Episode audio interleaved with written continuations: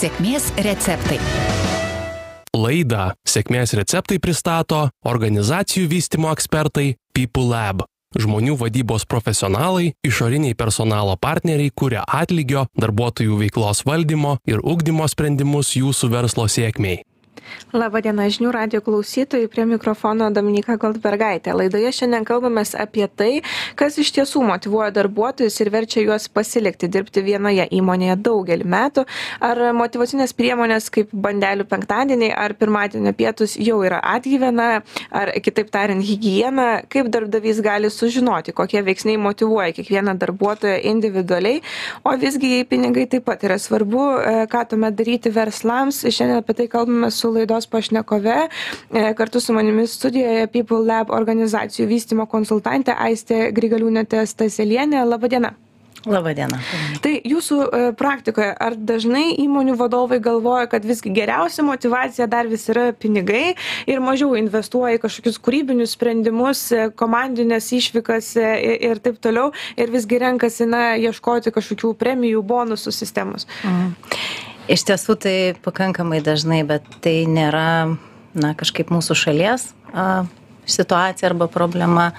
Visas pasaulis, visa modernioji vadyba e, vis dar, vis dar taiko tokias praktikas, labai labai na, piniginio skatinimo praktikas. Ir, ir šitos praktikos susiformavo labai seniai jeigu jeigu grįžti šimtmečiu atgal ar ne kai mm, daug darbo vietų daug pareigybių buvo na tokios mechaninės ar ne užduotys am, gamyboje prie gamybos linijų ar ne surinkimas operatorių darbas tai a, tuo metu iš tiesų a, tam kad paskatinti darbuotojų našumą tam kad jie dirbtų greičiau kokybiškiau na tos paskatos piniginės sutelktumui duodavo rezultatą ir pakankamai gerą rezultatą. O kaip Visgi... dabar yra, ne? Ar tas užmokestis e, didina įsitraukimą darbuotojų, ar ką rodo tyrimai? Mm. Tai, tai va būtent pasaulis e, darbas, darbo vieta kaip tokia labai labai smarkiai pasikeitė. A, šiandien dauguma darbų yra pakankamai, na, tokie kūrybiniai ir reikalaujantis protinių, pažintinių gebėjimų ir sprendimo vieno aiškaus dažniausiai nėra, yra visa sprendimų gausi, gausa. Tai va todėl perkelti tas skatinimo praktikas į šiandieną, o jos yra vis dar taikomos, taikomos, taikomos, dėja jos neduoda rezultatų.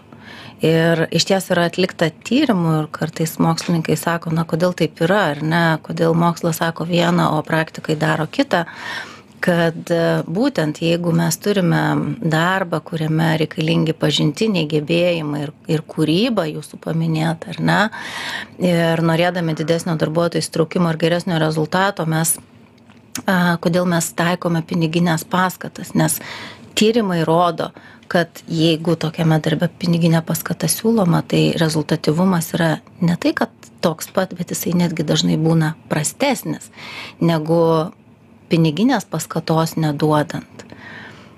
Mes su jumis e, prieš laidą irgi aptarėm šiek tiek, kad na, ta, tas atlyginimas yra apskaičiavimas ir tie visi bonusai tampa sudėtinga problema ir tada įmonėms reikia imtis kažkokių schemų, motivacinių linijų, kompanijų ten ne, ne, neaišku kaip ar neapskaičiuoti vėliau tą bonusą, ar tai visai komandai priklausantis atlygis, ar tai yra kažkino vieno žmogaus mhm. atsakomybė, kiek laiko tai užtrunka. Tai e, visgi tai yra sudėtinga priemonė ir netgi ir darbuotojui pačiam tą padaryti, ar taip? Mm. Iš tikrųjų, sudėtinga priemonė, bet kartais įmonės ir, ir per daug to, to sudėtingumo savo pačios įsiveda. Aš e, tikrai nesakau, kad e, piniginios paskatos nereikalingos ir, ir, ir jų net, neturėtų įmonės turėti, bet kaip jūs ir pastebėjote, piniginės paskatos uh, turi būti taiklios, turi būti paprastos ir turi būti aiškios, ar ne? O vis tik tai bėda yra tokia, kad, na, sukurti taiklę piniginę paskatą, kad skatintum būtent norimą elgseną, būtent norimą rezultatą, ar ne, yra tikrai sudėtinga ir ypač tose sudėtingose aukštos pridėtinės vertės darbuose. Tai va, tai, tai tas sudėtingumas atsiranda ieškant atsakymų ritmo ir kartais na pametant siūlo galą nuo ko pradėjai. Todėl visada dirbdama su su klientais dirbdama su organizacijom aš stengiuosi juos pakviesti truputėlį žingsnelį atgal ir pasakyti už paklausti savęs klausimų ar ne tai ko mes vis tiktai siekiam ką labiausia mes norime paskatinti ir ir tada jau vat ieškome sprendimų kurie būtų kaip įmanoma paprastesni paprastesni net ne todėl kad juos sudėtinga administruoti paskaičiuoti bet paprastesni kad juos būtų galima visiems suprasti vienodai. Tai va taip atsiranda ta vidinio teisingumo am, kaip sakant, vidinis teisingumas sukūriamas. Skaidrumas įmonėje. Tai, e, bet vis dėlto, nepaisant to, ką mes dabar kalbame, uh mhm. -huh. kad e, ta motivacija e, su atlyginimu pakelimu ar bonusais pridėtiniais, ji kaip ir ne, ne tai, kad nedidina, bet kartais ir sumažina tą motivaciją, vis dėlto e, yra kuriami tokie darbuotojų skatinimo modeliai, atlik, atliekamos rinkos atlygio analizės, lyginamasi e, atlygio ir papildomų naudų krepšelį šalys rinkose visas tas vyksta ir e, stengiamasi tas praktikas atkartoti ir įmonėse, tai ar tai tada yra naudinga visi tie tyrimai? Naudinga. E, atlygis yra toks įdomus dalykas. Turbūt nepasakysiu naujovės, e, kad atlygis yra kaip hygieninis faktorius. Ką tai reiškia? Tai reiškia, kad jeigu atlygio sistema yra suvokiama kaip neteisinga, arba na jinai nėra konkurencinga ar ne? Jinai gali duoti neigiamą efektą. Jinai tikrai mažins darbuotojų motyvaciją ar ne? Tai vat motyvacine prasme tai yra faktorius. Tačiau gera atlygio sistema papildomos motyvacijos neduoda ar ne? Žmogus nepradės dirbti geriau greičiau efektyviau kaip mano minėtuose tyrimuose ar ne todėl kad mes jiem duosime ten kažkokias labai dideles paskatas. Tai ar tai reikia daryti ar nereikia žinoma kad reikia nes mes nenorime to neigiamo efekto. Tai todėl mes turime užtikrinti tą atlygio konkurencingumą tam atliekami tyrimai ar ne tam organizacijos laiko pulsą ranką ant pulso, a, tam peržiūrimos tos atlygio praktikos, kad jos atspindėtų tai, ko verslui reikia šiandien, kad na vis tik tai nukreipti reikiamą linkmę ar ne ir aišku atlieptų žmonių poreikius.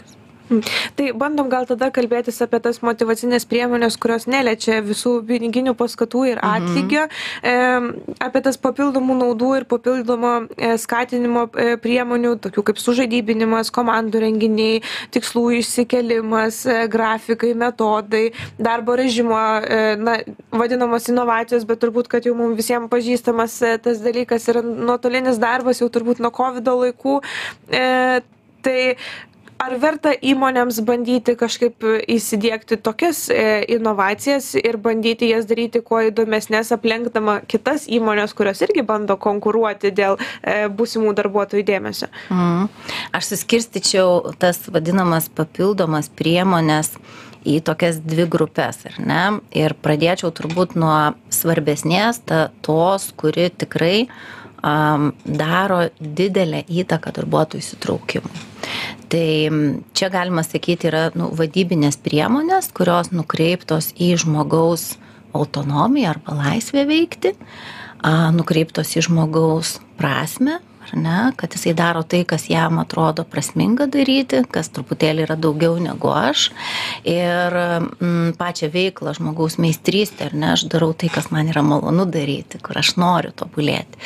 Tai visos šitos jeigu tos vadybinės priemonės yra nukreiptos į tuos tris poreikius ar ne tai organizacija tikrai galės pasiekti gero rezultato ir jų yra labai daug. Pavyzdžiui jūsų laidoje sėkmės receptuose ten tikrai neretas pašnekovas būtent kalba apie tas vadybines priemones kurios didina įsitraukimą.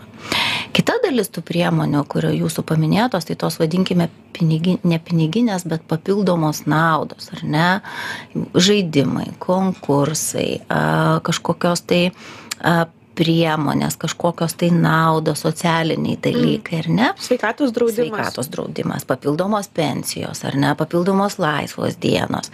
Na, jos kaip ir taip labai aiškiai tuos va, tris mano paminėtus e, veiksnius neveikia bet jos, nu kaip sakyti, jos vis tiek atliepia žmonių socialinius poreikius.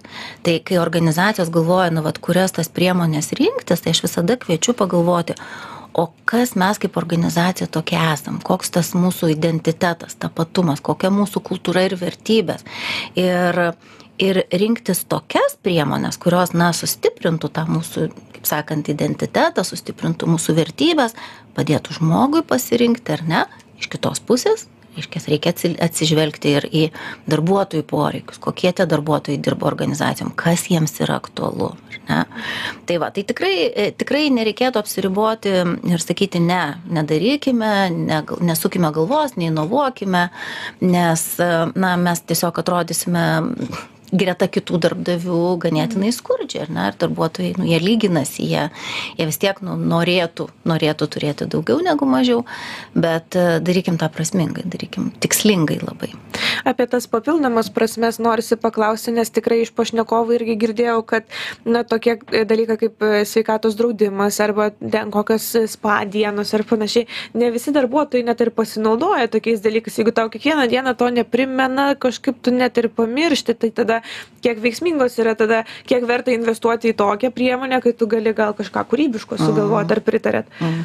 tikrai taip tos papildomos naudos vadinamos na mūsų profesijoj ar ne mes jas vadinam papildomis naudomis jos negali būti universalios nes mūsų poreikiai skiriasi ne? Jeigu tai yra socialiniams poreikiams atliepti žmonių poreikiai skiriasi.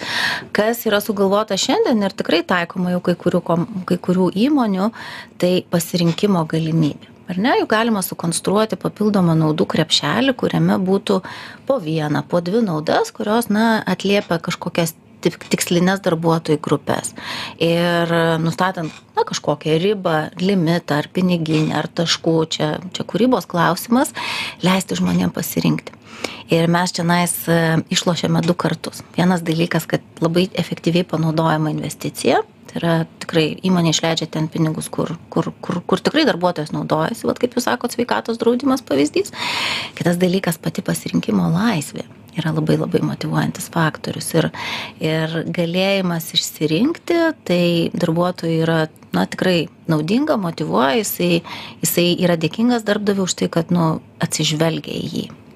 Apie tą lankstumą ir galimybę pasirinkti. Kitas dalykas, ką mini dažnai e, laidos sėkmės receptai dalyviai, kad šio laikiniam darbuotojui labai svarbus yra tas lankstus grafikas, nuotolinis darbas, galimybė dirbti iš namų ar kitos užsienio šalies. Ar pritarsit, kad tai yra, na jau turbūt net ne motivacinė priemonė, o jau toks kaip ir duotybė, mes tikimės iš visų verslų tokių galimybių šita priemonė yra nukreipta į autonomijos veiksnį, ar ne? Jeigu, jeigu aš e, pasitikiu savo darbuotoju, suteikiu jom laisvę nuspręsti ne tik kad nuotoliu, bet ir kada dirbti, ar ne? Gal man labiau patinka pirmoji dienos pusėje dirbti, o gal man kaip tik patinka vakare, gal aš galiu ir noriu keturias dienas labai intensyviai dirbti po 10-12 valandų, bet turėti ilgesnį savaitgalį. Tai va šitas pasitikėjimas ir suteikta autonomija, ar ne, jau iš karto veikia teigiamai veikia teigiamai darbuotojų įsitraukimą. Aišku, e, visada yra praktinių elementų to, tame nuotolinėme darbe, na, ne visi darbai yra nuotoliniai ar ne? Nelabai įsivaizduoju kaip dominyka galėtų nuotoliniu darbu dirbti nuolat ar ne? Galbūt kažkoks miksas. A galų gale kit kitas dalykas pačių darbdavių pasitikėjimas. Na tikrai sutinku deja sutinku dar organizacijų kurios a tiki galvoja kad kontroliuojant darbuotoją tik kontroliuojant darbuotoją mes pasieksime maksimalaus rezultato. Ir va čia dabar prisiminiau vat visai neseniai skaitytą nenaują dalyką kaip kompanija google o padarė tokį eksperimentą ar ne? Iš pradžių jie reiškias pasižiūrėjo kitos kompanijos technologinės pavyzdį kaip vieną dieną savo produkto kūrėjams inžinieriams suteikė laisvę ir pasakė darykit ką norit imkitės kokių norite tobulinimų produktų mes nieko nesakom nepamirškit tikslus rezultatus paskatas tiesiog darykit ką norit pavadino fedex days nes reikia per naktį padaryti rezultatą ar ne kaip siuntų tarnybą pristatyti. Ir kas nutiko tie žmonės per tą vieną naktį padaręs nu vieną parą padarė stulbinamą rezultatą. Jiems niekas nesakė kaip daryti niekas nesakė ką daryti.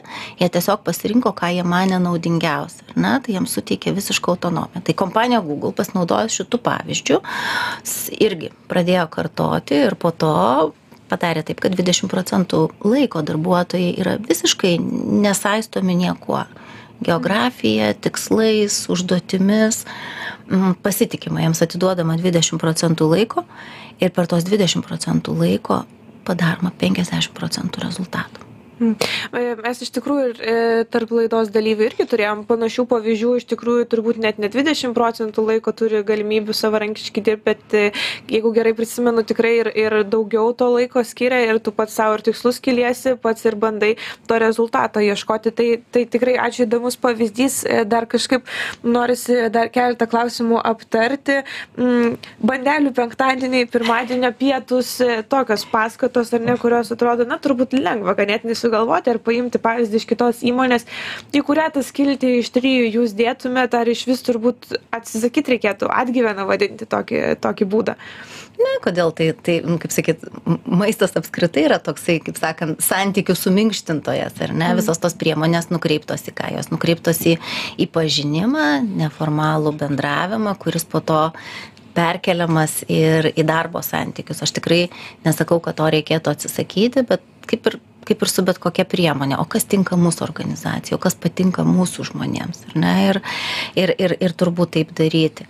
Bet ginkdie tikrai ne nereikia aklai kartoti tai ką pamatei kitoj organizacijoj nes tau gali visiškai to netikti Tai apie, apie tą individualumą norisi paklausti, kaip darbuotojams sužinoti, kokie tie veiksniai motivuoja kiekvieną darbuotoją, nes e, maža to, kad mūsų įmonė skiriasi, bet ir darbuotojų spektras kiekvienoje įmonėje yra labai skirtingas, e, kartais nuo ten žmogaus, kuris e, gali gamykloje dirbti iki buhalterės, buhalterio, nu, tokių yra spektrų. Tai kaip žinoti, ką, kas motivuoja kiekvieną darbuotoją? Mm. Tai mes, vat, organizacijų vystimo ekspertai, žinom, kad yra išoriniai veiksniai ar ne ir vidiniai veiksniai. Tai kalbant apie išorinius veiksnius, tai mes jau kalbėjom, ten visokios tos sistemos, vadybos ir panašiai, ar ne, kurios, nu, tarsi palaiko žmogų, nukreipia, padeda. Bet ta vidinė dalis, apie tai yra jūsų klausimas, niekaip kitaip, kaip per paprastą pokalbį. Ir, ir iš tiesų laimi tos organizacijos, kuriuose yra artimas, e, kuriamas artimas ryšys, pasitikėjimo ryšys tarp darbuotojų ir pavaldinio.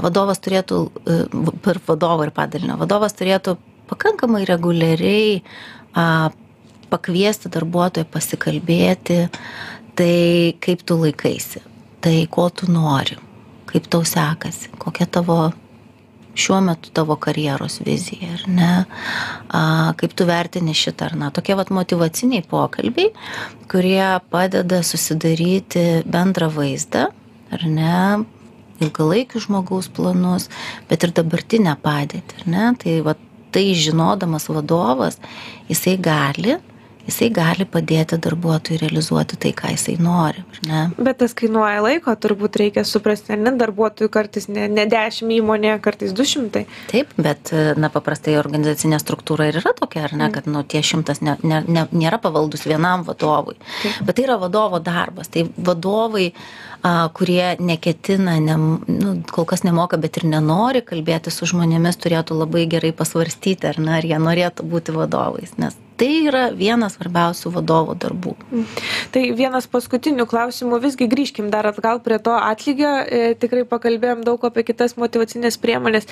Visgi, jeigu tai yra toks įmonės e, na, tipas, turbūt kategorija, kur na, svarbu yra atlyginimas, tai kaip įmonėms su tuo dirbti, kaip ieškoti, nepasimesti tose pinklėse, kuriuose, apie kurias mes pradžioje kalbėjome, kad sudėtinga rasti kažkokią aiškiai labai struktūruotą sistemą, kada aš apdovanoju darbuotoją kažkokiu papildomu atlygiu, kada ne nu, daryti reikia darimo būdu. Tai iš tiesų aš visada kviečiu savo klientus pasikalbėti apie principus. Dažnai jie purkštoja pradžio ir sako, ai, nu ką čia mes, ką mes čia kalbėsime. Na, iš tiesų, ko mes siekime, ko mes norime ir ką mes laikome vertinga. Ne, mes tai susitarėme ir tada tie principai labai dažnai padiktuoja priemonės. Ar ne, kokiu vat, būtent atlygio priemonių mums reikia. Nu, tiesiog vieną pavyzdį. Ar, ne, ar mes norime, kaip sakant, žmonėms duoti, kaip sakant, lankstų lankstumo ar mes norime duoti, duoti, įdėti jį į rėmus, ar ne? Tai padeda pasirinkti tam tikras kintamo atlygio programas.